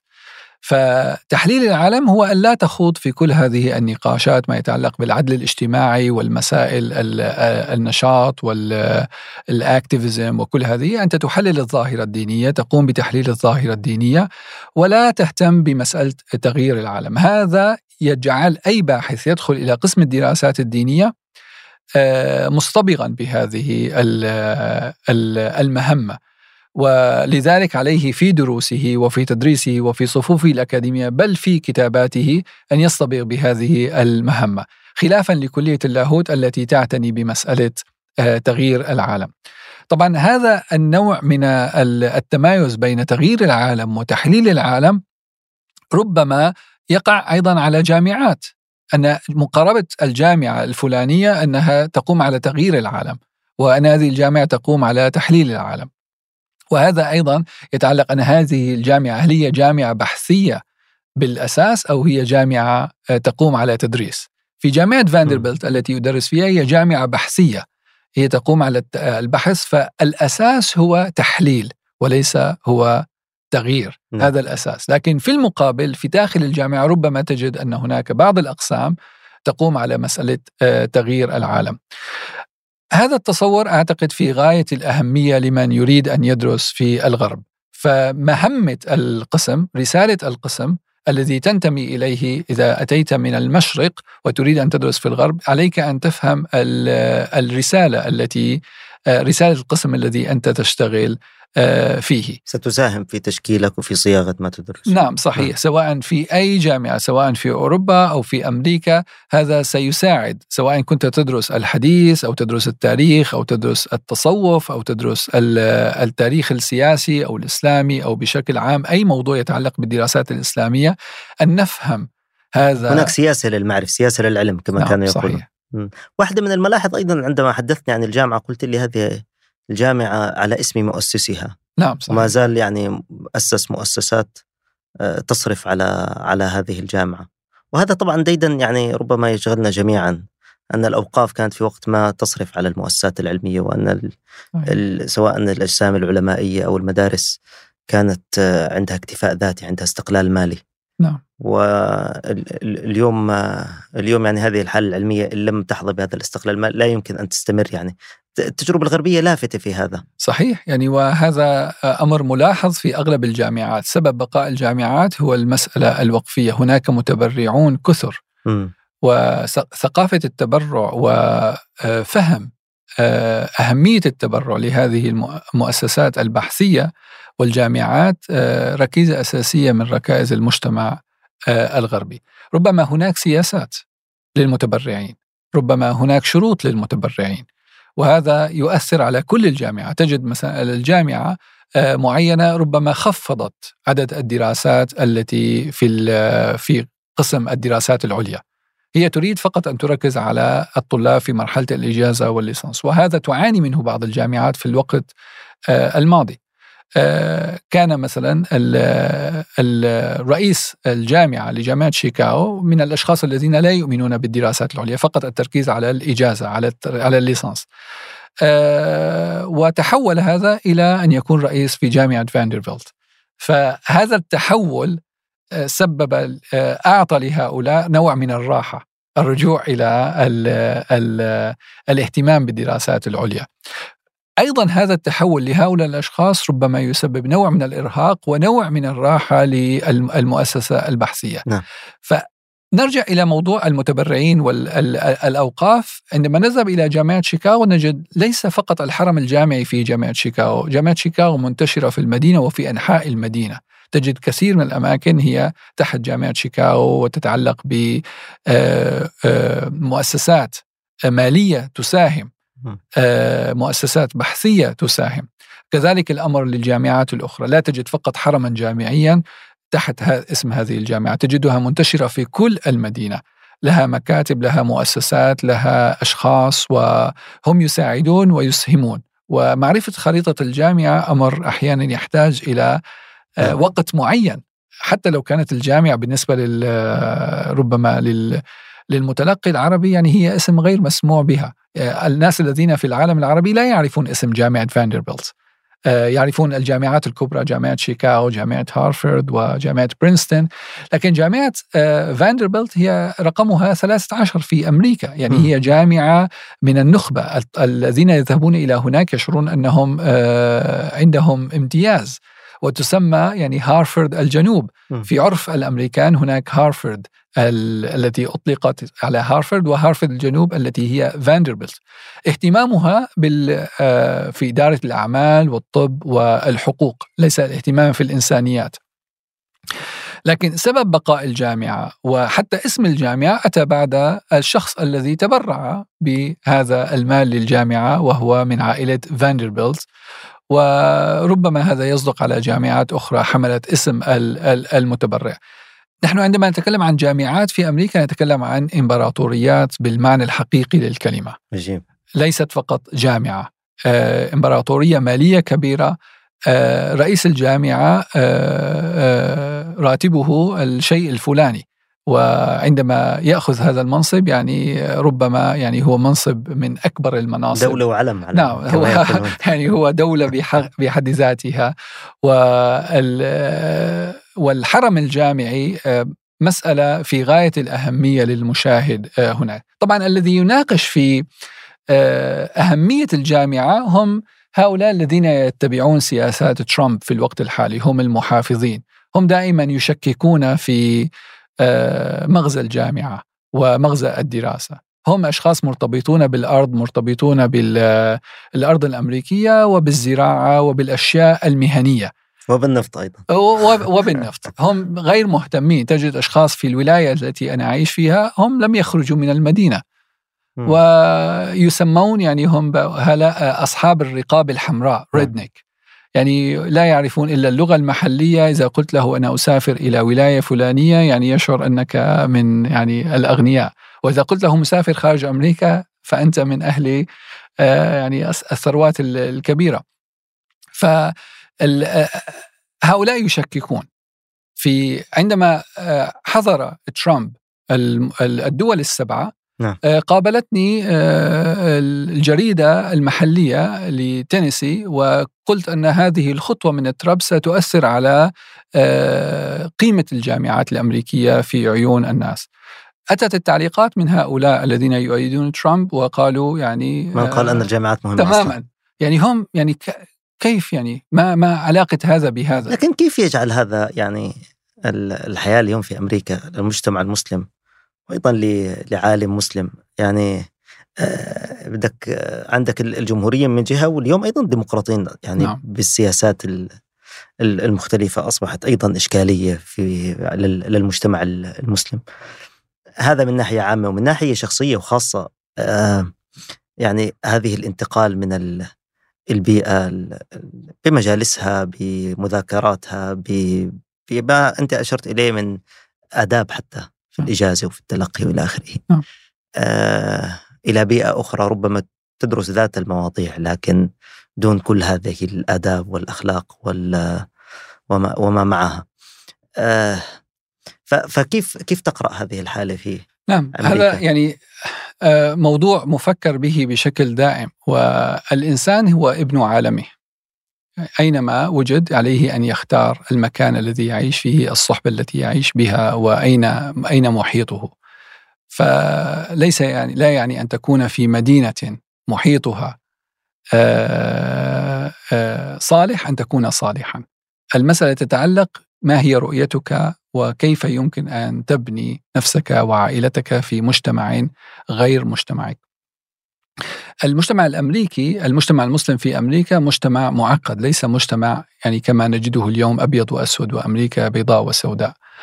آه، ربما شاركتك يعني هذه الوصف لشيكاغو وشيكاغو في العرف العالمي هي مدينة السلاح والمطاردات وغير ذلك وهذا حق يعني في الجنوب في جنوب المدينة. لكن آه، في الفترة الأخيرة يطلقون أو بعض الناس يطلقون على شيكاغو بأنها شيكاغو شريف. خاصة في الضواحي. يعني تجد آه، الغالبية المسلمة تجد المدارس الإسلامية تجد الكليات الإسلامية وتجد آه، اهتمام ونشاط كبير جدا في دراسة العلوم الشرعية. آه، مثلا دار السلام في في ضواحي شيكاغو الطلاب منشغلون طول اليوم من الصباح إلى المساء بقراءة كتب ربما لا يقرأها الطالب في ذلك في هذا العمر في العالم العربي. م. ذهبت إلى هناك الطلاب يقرؤون العلل وسنن الدار قطني والسؤالات وغير ذلك. فكنت متفاجئ يعني من حجم التطور آه وهذا ليس قفز. يعني هو دراسات آه مبنية على آه المدرسة النظامية وديوباند ست سنوات أو ثماني سنوات من الدراسة الطويلة والصابرة على المادة العلمية. وهذا ليس فقط في مؤسسة هذا وليس فقط في مدينة واحدة. الأمر آه، في المدن الكبرى نجده في شيكاغو نجده في دالاس نجده في أماكن متعددة في في المجتمع الأمريكي. على سبيل المثال هناك مسابقة لتحفيظ القرآن ولحفظ القرآن آه، آه، على المستوى المحلي في أمريكا يجتمع تقريبا 600 حافظ. آه 100 حافظ يأتون من المدينة التي أنا أعيش فيها. آه تخيل مدينة واحدة فقط فيها 100 حافظ. وهذا يعني أن هناك نشاط غير مرئي. للذي آه، هم في خارج أمريكا. الإسلام مر بظروف صعبة جدا بعد الحادي عشر من سبتمبر. أنا أعتقد أن الآن الظروف توجهت أو هذه الصعوبات توجهت نحو الرجل الآسيوي. اليوم الصراع تقريبا بين آه، أمريكا وبين الصين. فاليوم هذا ما يسمى الخوف من الغرباء الفوبيا من الغرباء نوعا ما توجهت إلى هذا آه، الرجل. المسلمون اليوم يعني يعيشون وصار هناك نوع من التفاهم. طبعا الأمر ليس لا يمكن أن نقول لغة متفائلة ولغة نعم. إيجابية لكن يتعلق أين تق... أين تقيم في أي مكان تقيم ما هو المحيط الذي تقيم به؟ هل المدينة التي أنت فيها هي مدينة جامعية أو بنيت على جامعة؟ فيختلف من مكان إلى مكان ولا الأمر لا يتعلق أنه آه، لا يمكن مقاربته أبيض وأسود. نعم. طيب آه، يعني آخر ما في هذا الحوار أريد أن أعود إلى إلى مسألة التقليد هذه ولعلك يعني مهتم مهتم بها وهي مسألة تتفاعل فيها عناصر عديدة. حتى في في في الفلسفة كانوا يقولوا واحد مثل جادامير يعني إنه لا يمكن العقلانية لا تقوم بلا بلا تقليد. ليس هناك يعني عقل حر يتحرك في الفراغ. وكان يقول بوريكور أن كل كل انتقاد لابد أن يقوم على اعتقاد فأنت تقف على أرضية معرفة وتنظر إلى العالم منها. هناك وعي بأهمية التقليد. نعم. وكما ذكرت حصلت حالة من القطيعة المعرفية. آه، بدأت مع دخول ربما الحداثة ثم استيراد مجموعة جديدة من من المعارف والعلوم. وإذا نظرنا أن ما كان يدرس في الجامع صار يدرس في الجامعة. وما كان يدرسه العلماء أصبح ربما يدرسه الأساتذة الجامعيون. مناهج النظر اختلفت. أيضا حتى على المستوى الإسلامي الداخلي حصل هناك يعني آه، رؤى تدعو إلى نبذ هذا التقليد وهذه المذهبية. وبعض الأسباب كانت تبدو وجيهة يعني أن هناك أشياء يعني آه، يعني تراكم عليها الغبار خاصة أنها في المرحلة الأخيرة.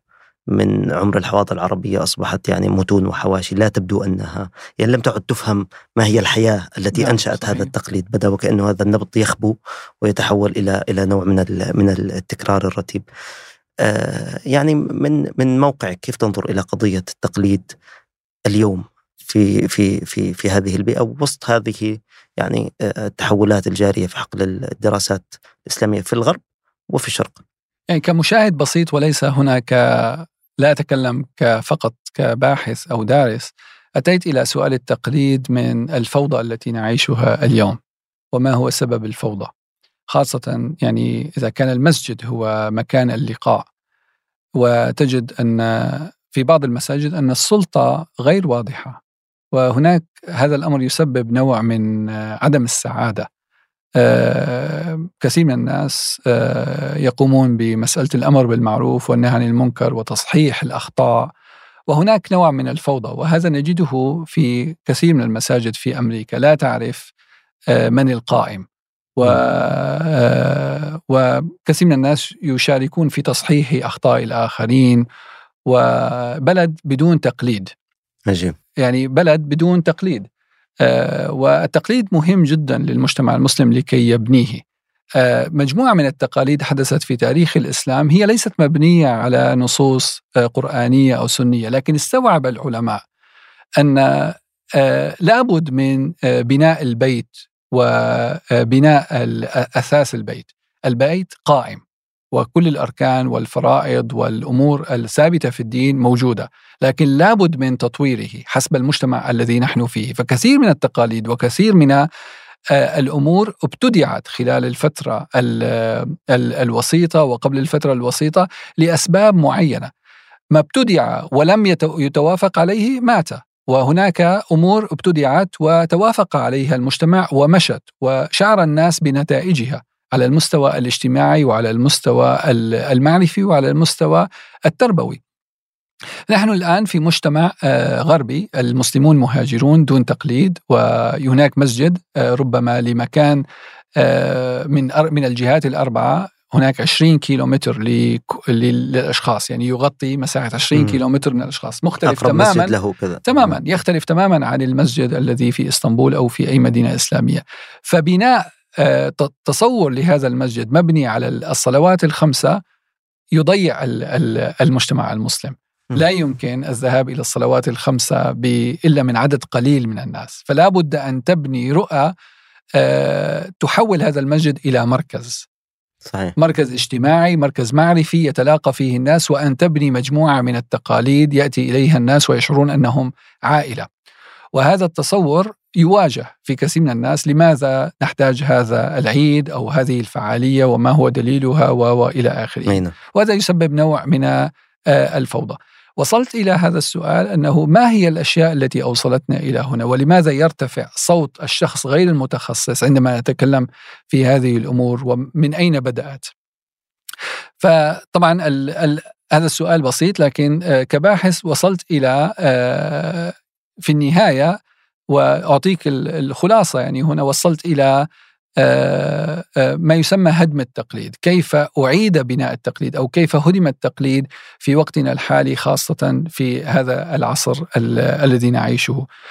و وطبعا لا أحيل إلى هذه الأسباب أنها أوصلتها أوصلتنا إلى هنا ولكن ما الذي جرأ العامي؟ ما الذي جرأ غير المتخصص على آه، أن يكون له سلطة في الشأن الديني ويتكلم على أنه شيخ الإسلام. وما هي الأساليب التي طورت عند التقليديين وعند غير اللا تقليديين أو عند المذهبيين وعند اللا مذهبيين طبعا آه، بشكل قبل أن نذهب إلى مسألة هدم التقليد والعلوم الثلاثة التي رأيتها هي سبب لإعطاء هذه السلطة للعامي آه، أتكلم عن نوعين من التطورات حدثت بين المذهبيين واللامذهبيين.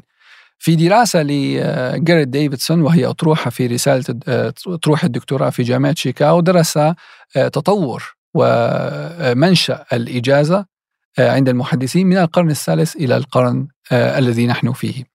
ووجد أن هناك تسارعا وتخففا من قيود الإجازة أوصلتنا إلى مسألة الثبت والفهارس والإحالة إلى هذه الأثبات. يلتقي الطالب بشيخه ربما يقرأ كتاب واحد. وبعد ذلك آه، هذا الكتاب آه، بالاعتماد على ثبت شيخه آه، وهو الفهرس الذي فيه شيوخه وأسانيده يتواصل هذا الطالب مع كل هذه الشيوخ إلى مصدر الكتاب إلى البخاري أو إلى الكتاب المطلوب. وصلت إلى فكرة أن أن هذا المجتمع المذهبي طور فكرة الأوائل السنبلية، يعني صار ما يسمى مجتمع الأوائل السنبلية م. أو مسجد الأوائل السنبلية. آه هذا المجتمع آه ينبني على آه لا بد لأن عندما تدخل في المجال العلمي وأن يكون عندك نوع من الرخصة أو الإجازة أو السلطة أن تتواصل مع هذا التقليد العلمي الطويل فخففت هذه القيود عبر هذين الكتابين. الأوائل السنبلية وهو كتاب يشتمل على أول حديث ذكر في كتاب ما كأول حديث في البخاري, البخاري. أول حديث في مصنف صنعاني ربما يشتمل الكتاب على أربعين كتاب أو أكثر يصل إلى مئة كتاب. تقرأ هذا الكتاب مع شيخ من المشايخ ربما في السيارة أو في آه، يعني حلقة مسجدية. ويعطيك الإجازة يعطيك الشيخ الإجازة في هذا الكتاب. هذا يعني أن إجازت أن إجازتك تضمنت لكل ما كتب في هذا الكتاب. مئة كتاب ويحيلك على ثبته أو مشيخته أو آه، برنامجه معجمه. فتتصل بالإسناد. فتتصل وتعرف خريطة هذا الإسناد. ويصبح هذا الكتاب نوع من التواصل. طبعا هذا لا يعني أن يعني أهل الاختصاص يعرفون المداخل والمخارج. إذا شخص أتى وقال أنا قرأت الأوائل الإسطنبولية يعني هذا لا يكفي. للبركة. نعم للبركة. ولكن في نفس الوقت أنا أقول هناك نوع من التطوير. نعم. نوع من التطوير أن أهل التقليد فهموا أن لابد أن تتطور هذه ال ال ال النوع من التواصل بين الطالب وبين الشيخ في عالم صار من الصعب الجلوس في مجالس السماع. صار رمزا من رموز ال ال ال ال الإجازة ونوعا من السلطة وأنا قرأت على الشيخ الفلاني والشيخ الفلاني. ربما القارئ العربي لا يلاحظ هذه الأشياء لكن في العالم الغربي هذه الأمور آه، خاصة مع أن السفر والرحلة إلى العالم العربي والرحلة إلى العالم الإسلامي ليست آه، ممكنة يعني ممكن يسافر أحدهم في السنة مرة والتواصل مع هذا الشيخ ليس متوفر لآخرين. فالذهاب المجيء هنا إلى إسطنبول أو المجيء إلى بلد معين فيه عالم من العلماء واللقاء به وأخذ إجازة منه هذا امتياز ما وراءه امتياز. يصبح هذا الشخص مصدرا لقومه ومجتمعه في نعم. المجتمع الأمريكي. في المقابل الذين هم لا يتبعون المذهب. تطور أيضا آه، آه، نوع من الكتابات. بدأت منذ العصر الوسيط منذ عبد الغني المقدسي في كتابه عمدة الأحكام. ما يسمى آه، هذا النمط العلمي أحاديث الأحكام. يبدو أن في العصر الوسيط أو ما يسميه ال central period يعني في بحث كتبته عن تاريخ أحاديث الأحكام أن ذلك الوقت كان يريد مادة مستخلصة مادة بسيطة موجزة آه، تبين ما هو الحديث الصحيح الذي يستخدم في الأحكام الفقهية، هناك كان مادة كبيرة حديثية فيها الصحيح والحسن والضعيف وهي مادة مختلطة ليس فيها فقط مادة فقهية، وهناك كتب فروع فقهية مادة كبيرة لكن لا يوجد الدليل فيها غير واضح. فيبدو أن هذه الخطوة كانت متوقعة من هؤلاء آه، العلماء في ذلك الوقت. طبعا بدأت قبل عبد الغني المقدسي بدأت مع ابن الخراط عبد الحق الإشبيلي في كتبه الأربعة الأحكام الكبرى والوسطى والصغرى وبعد ذلك كتابه تلقين الوليد. لكن تأسست بشكل آه، رسمي مع آه، كتاب عمدة الأحكام. لماذا مع عمدة الأحكام؟ لأنه أصبح مرجعا للطلاب يحفظونه وربما صار منهجا. لكن في ذلك الوقت كان إلى جوار الدروس الفقهية نعم والأصولية الأخرى. تماما. نعم. آه، الغايات مختلفة. نعم. ونجد أن هذه طورت لأسباب معينة وبعد ذلك تتابعت هذه الكتب. نجد بعد عمدة الأحكام نجد كتاب آه، المنتقى لابن تيمية الجد. بعد ذلك نجد كتاب الإلمام لابن دقيق العيد. وبعد ذلك نجد كتاب بلوغ المرام. هذه الكتب الأربعة الأساسية التي شكلت مادة حديث الأحكام. هذه المادة ربما هي من أوائل الكتب آه، التي طبعت في العصر في الوقت المعاصر عندما أنشئت آه، آه، مطبعة بولاق. بل ربما طبعت عجيب. الشروح على هذه الكتب قبل المتون. يعني نجد كتاب نيل الأوطار طبع قبل بلوغ المرام للشوكاني. تقريبا نيل الأوطار طبع أربعين سنة بعد وفاة الإمام الشوكاني بينما بلوغ المرام طبع بعد ذلك. فهذا يعطينا تصور لأهمية هذه المادة وفي مقدمة هذه المادة وخاصة من أشخاص هم مشهورون معروفون كمحب الدين الخطيب وأحمد محمد شاكر وحامد الفقي و وآخرين رشيد رضا. في المادة في المقدمة لهذه الكتب آه، تقوم على ترك التعصب وترك المذهبية بل بل بلغة آه، قاسية جدا آه، تشبيه المذهبية بأنها أغلال الشياطين ورق العبودية. تحول هذا الأمر تسهيل واختصار وتسريع هذه المادة وجعلها موجزة في يد طالب العلم حتى يكون عنده اتصال مباشر مع آه، النص النبوي. آه، تطورت هذه المادة ولخصت فيما بعد على يد ناصر الدين الألباني الشيخ ناصر الدين الألباني في كتاب صفة صلاة النبي صلى الله عليه وسلم. رحمة الله عليك كان يقول هذا أول كتاب يكتب في هذا الموضوع. نعم صحيح وهو كتاب لابد يحتاج إليه للقارئ يريد أن يحصل على مادة صحيحة آه، كيف صلى النبي عليه الصلاة والسلام دون آه، آه، مشاكل. نعم. لكن بما أن الصلاة هي يعني وكأنه الحداثة تريد يعني صلة مباشرة نص قارئ. نص قارئ. دون وسيط تأويلي دون عالم نعم. يشرح دون نعم وهذا يعني هذا سبب نوع من الفوضى. صفة صلاة النبي أو الأوائل السنبولية نموذجان لتطوران حدث في المدرسة التقليدية والمدرسة غير التقليدية أو دعني أقول المذهبية ولا مذهبية. آه، تطوران لنوعية من الكتب آه، تعطي نوع من السلطة للقارئ لأن يتشارك في المجال العام أن يعطي رأيه. صفة الصلاة أعطت, مج... أعطت حرية أوسع. نجد آه، أشخاص يصححون لأشخاص في المسجد ويتدخلون بناء على صفة بغض النظر عن معرفة خلفيتهم المذهبية وغير ذلك. وشاهدت بعض المشاكل يعني في هذا م. الأمر بناء على تصحيح يرد الشخص ويصبح هناك نوع من التشاجر بناء على هذه النصيحة. ف وصلت إلى أن أحاديث الأحكام باختلاف غاياتها ودوافعها من العصر الوسيط إلى هذا العصر آه، أنها بنيت في هذا العصر كنوع آه، ونمط علمي لإعادة بناء التقليد أو هدم التقليد. وبعد ذلك فكرت ما هي الأنماط العلمية الأخرى التي يمكن إضافتها إلى أحاديث الأحكام وربما الكلام لا يتسع لها ولكن ربما فقط أشارك آه، ما هي الأنماط العلمية النمط الثاني هو التفسير الموضوعي والذي بدأ أيضا مع آه، بداية عصر النهضة ووصل إلى هنا. طبعا أنا لا أتكلم هنا عن آه، آه، شيء ضد أحاديث الأحكام أو ضد التفسير الموضوعي لكن كيف استخدم وكيف بني وكيف نزع منه مسألة التقليد وكيف أعطى القارئ كما تفضلت بأعطى اتصال مباشر بين القارئ غير المتخصص القارئ العام أو القارئ العادي والنص مباشرة. النمط الثاني هو التفسير الموضوعي والنمط الثالث هو مقاصد الشريعة.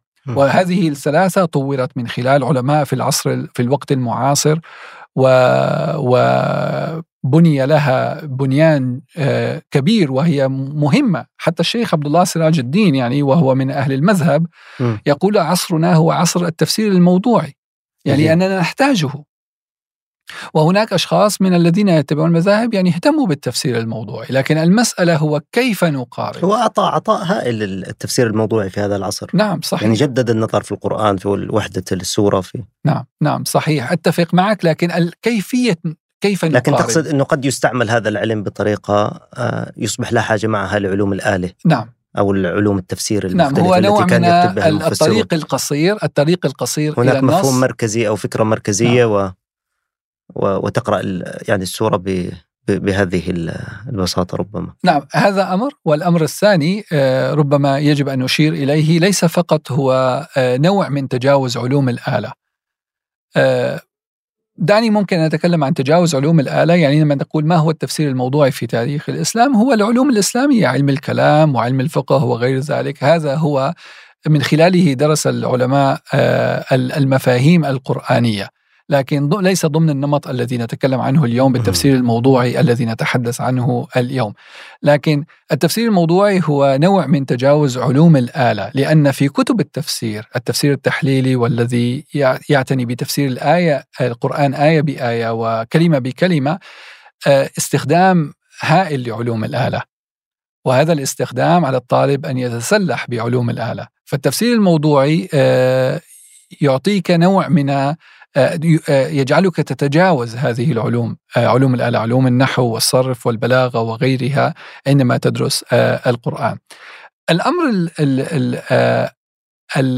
المهم جدا في التفسير الموضوعي أنه عدد من الذين كتبوا في هذا المجال غايتهم هو الوصول إلى معنى قطعي للنص. نعم. وهذا يعني نجده يعني في بعض الكتابات التي أرخت للتفسير الموضوعي باللغة الإنجليزية كمستنصر مير في كتابه The Coherence of the Quran بناء على رؤية إصلاحي وبناء على رؤية فراهي وحتى فضل الرحمن. في كتابه The Major Themes in the Quran الموضوعات الكبرى في القرآن الغاية هو الوصول إلى ما يسمى definitive meaning. والمعنى القطعي للنص. وهذا يختلف عن منطق التفسير القرآني في في التفاسير التقليدية. ظاهرا وباطنا وحدا ومطلع تماما. في بطون طبقات ولطائف وإشارات يوجد و... لطائف في النص. يعني م. عندما نفتح الرازي في تفسير سورة البقرة وهو تفسير آه، شامل ومستوعب ومطول لسورة البقرة يبدأ في مسألة آه، آه، تأسيس لمفهوم النظم ومفهوم الأسلوب. وبعد ذلك يقول الغاية من ذلك هو الوصول إلى لطائف. م. الوصول إلى لطائف المعنى وليس الوصول إلى معنى قطعي. والأغرب من ذلك عندما يفتح آه، يستفتح آه، مستنصر مير كتابه The Coherence of the Quran بالآية التي تقول الذين جعلوا القرآن عضين. آه، والذين هنا تحيل إلى مجتمع يعني غير المفسرين التقليديين. تماما هو نعم. يحيل إلى المفسرين في النهاية عندما تقرأ الكتاب هؤلاء الذين نصل أو نربط بين هذه الآية وبين مضمون الكتاب نجد أن الرازي هو المقصود والبيضاوي هو المقصود وهؤلاء المفسرين الذين جعلوا القرآن عظيم. هذه المسألة الثانية في مساله التفسير الموضوعي المهمة التي هي ال ال ال الحرص على مسألة المعنى القطعي. والمسألة الثانية هي وربما هذا مفهوم لأن المنهج مبني على قراءة قرآنية خالصة. نعم. هو غياب الحديث النبوي. غياب الحديث النبوي. يعني الشيخ آه، حبنك الميداني في كتابه آه، معارج التفكر ودقائق التدبر بنى رؤيته على تفسير موضوعي وبين في مقدمته أن الغرض هو تربوي ومعرفي. وبناه أيضا على تفسير نزولي رتب القرآن نزوليا صحيح. لكنه لم يغيب الحديث النبوي. آه، خلافا لاصلاحي الحديث النبوي هو ليس أداة قطعية في معرفة النص. وهذا أعتقد فرق مهم جدا بين م. الذين يتبعون التقليد والذين لا يتبعون التقليد. آه، قيمة النبي عليه الصلاة والسلام ومقام النبي صلى الله عليه وسلم مقام معرف. مقام معرف آه، بهذه العوالم ومقام معرف بكيفية قراءة النص. لا يمكن أن نقرأ القرآن بدون هذا التعريف من النبي محمد صلى الله عليه وسلم. ولذلك أنا ألح على أن الاتصال بالقرآن لابد أن يتصل بالحديث النبوي ولا بد أن يتصل بالتقليد المتطاول. وأقل شيء اعتبار هذا التقليد المتطاول كمصدر ثانوي يعني آه، خاصة التفاسير كمصدر ثانوي secondary sources. بمعنى أن عندما تريد أن تقوم بالتفسير الموضوعي أن تأتي بهذا وتناقشه. وتدخل في آه، نقاش معه حتى تبني نظرية جديدة آه، لمفهوم قرآني آه، تقوم به. طيب دكتور في في هذه العناية بمسألة بمسألة التقليد وإبراز أهميته، ألا تخشى يعني الوقوع في الفخ الآخر آه، اللي هو مسألة يعني إضعاف روح الاجتهاد مثلا في حالة العلاقة مع القرآن انه الإنسان يكون له أيضا يعني علاقته المباشرة وتأمله وتدارسه وتدبره مع العودة إلى هذا التقليد المتطاول. آه، وهذه يعني تبدو إنها دائمة ثنائية. هناك هناك حرية تؤول إلى فوضى وهناك آه، تقليد يؤود إلى قيد. إلى جمود وتعصب. نعم. ونعم هذا حصل في التاريخ. ودائم بالنسبة لي شخصيا أقول دائما التقليد يحتاج إلى جبال من الحكمة.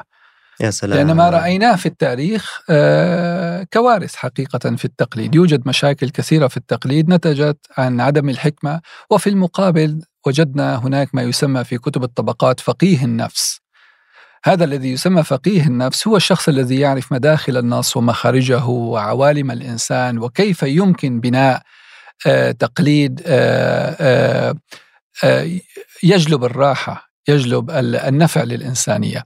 ف لابد من جبال من الحكمة لكن اليوم نحن نعود إلى التقليد بطريق آه، مختلف. عما صار هناك قطيعة لفترة طويلة من الزمن والمنهج الدرسي تقريبا غيب. ولو رجعنا تقريبا قرون آه، هناك كان فرمان عثماني أن الذي يدرس في التفاسير هناك أحد عشر تفسير وهذه التفاسير منها تدرس علوم الآلة وغيرها. كان هناك منهج إذا ذهبت إلى أي قرن من القرون ما قبل سقوط الخلافة العثمانية تقريبا هناك رؤية واضحة لهذا المنهج حصل فيها الجمود. ولكن هذا الجمود أيضا في نفس الوقت ربما آه، دعاية عريضة لأن من يقرأ كتب الطبقات يجد أن الإنتاج لم يتوقف. حتى في القرن الحادي عشر والقرن الثاني عشر والقرن الثالث عشر الإنتاج لم يتوقف. نحتاج إلى فقط فتح العيون هناك دعاوي عريضة أن هناك جمود حصل آه، أعتقد أن الجمود هو في مسألة كيفية دعنا نسأل سؤال ماذا لو لم يكن هناك تفسير موضوعي هل سيتغير العالم؟ هل سنكون أفضل أو سنكون آه، في مر في في آه، في وضع اسوء؟ لم يتغير أي شيء، هناك أمور تتعلق بكيفيه مقاربة التقليد، كيفية إعادة البناء. اليوم آه، ونحن الآن يعني في مشروع منذ بدأ منذ تقريبا سنة مجلة الدراسات الحنفية. وهذا نوع من الرؤية المذهبية الأكاديمية. الذين هم يديرون هذه المجلة هم يعني أشخاص متخصصون متأصلون حنفيا مذهبيا وفي نفس الوقت هم أخذوا حصلوا على الدكتوراه من جامعة كامبريدج واوكسفورد وهارفرد نوع من هذه الدراسات ومقاربة المذهب على أنه مدرسة فكرية متكاملة. نعم. وفهم الغرب وفهم الواقع المعاصر أنا أعتقد هذا نوع من الدراسات التي يجب أن آه، نشتغل عليها اليوم. أنا أتكلم عن فقط الرجوع إلى كتب الفروع الفقهية وبدون آه، إعادة بناء. لابد من تطوير ولابد من آه، دراسة داخلية تجلب لنا جديدا في هذا الأمر ونستطيع أن أن نفهم النص الذي كتب في في القرون السابقة. أعيد القول أن التقليد يحتاج إلى حكمة وبدون حكمة آه، ربما نعيد آه، المشاكل وتدوير المشاكل وسيخلق جيلا آه، ربما كما قلت يعني فيه جمود وفيه تعصب. والاجتهاد ربما يغيب بل هو غائب تقريبا اليوم. حتى لو رأينا هذه الاجتهادات لكن لا لا نعرف يعني على أي شيء بنيت وكيف بنيت. آه، أنا من دعاة آه، العودة إلى التقليد آه، ببصيرة وحكمة ومساءلة هذا التقليد والبناء عليه والخروج بنظريات من داخله.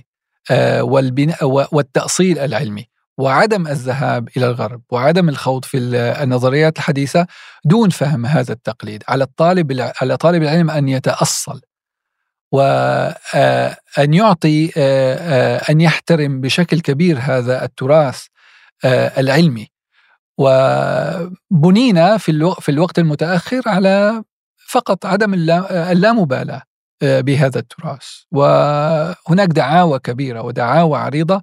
واليوم الحمد لله وأنا في مدينة إسطنبول أشاهد عدد من المؤسسات آه، تعيد بناء طالب العلم من خلال هذا التراث. وبأساتذة يلتقون من المشرق والمغرب. آه، درسوا في الجامعات الغربية وهناك من درس في الجامعات العربية. والطلاب آه، يشعرون بالسعادة أن هناك نصوص تقرأ بطريقة مختلفة عما قرات في في الماضي.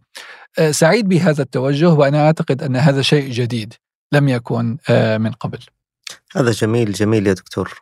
أنا سعدت جدا بهذا اللقاء. يعني شاكر لك. ربي يفتح لك. الله يبارك و... فيك و... هذه الحكمة التي جاءت في الخاتمة. لكن ولعلها خلاصة خلاصة كبيرة. الحكمة شيء غير العلم يعني. وما يؤتى الحكمة فقد أوتي خيرا كثيرا. فأشكرك على هذا أشكرك يا الكريم يا دكتور. يا أستاذ أسامة. أسامة على هذا اللقاء الجميل وهذه الاستضافة وعلى ما تقدمونه في آه، آه، الفاصلة المنقوطة. وهذا يعني بالنسبة لي أن ما وراء الكلام كلام وأنه لم يقف وهذا الأمر آه، سيفتح ممكن لقاءات مع أشخاص مهتمين في نفس المجال يضيفون ويعلقون وخاصة أنت وأنت على رأس هذا استغفر الله. منكم نستفيد يا سيدي ونأمل ذلك ونرجو. كرر الشكر. السلام عليكم ورحمة الله. وعليكم السلام.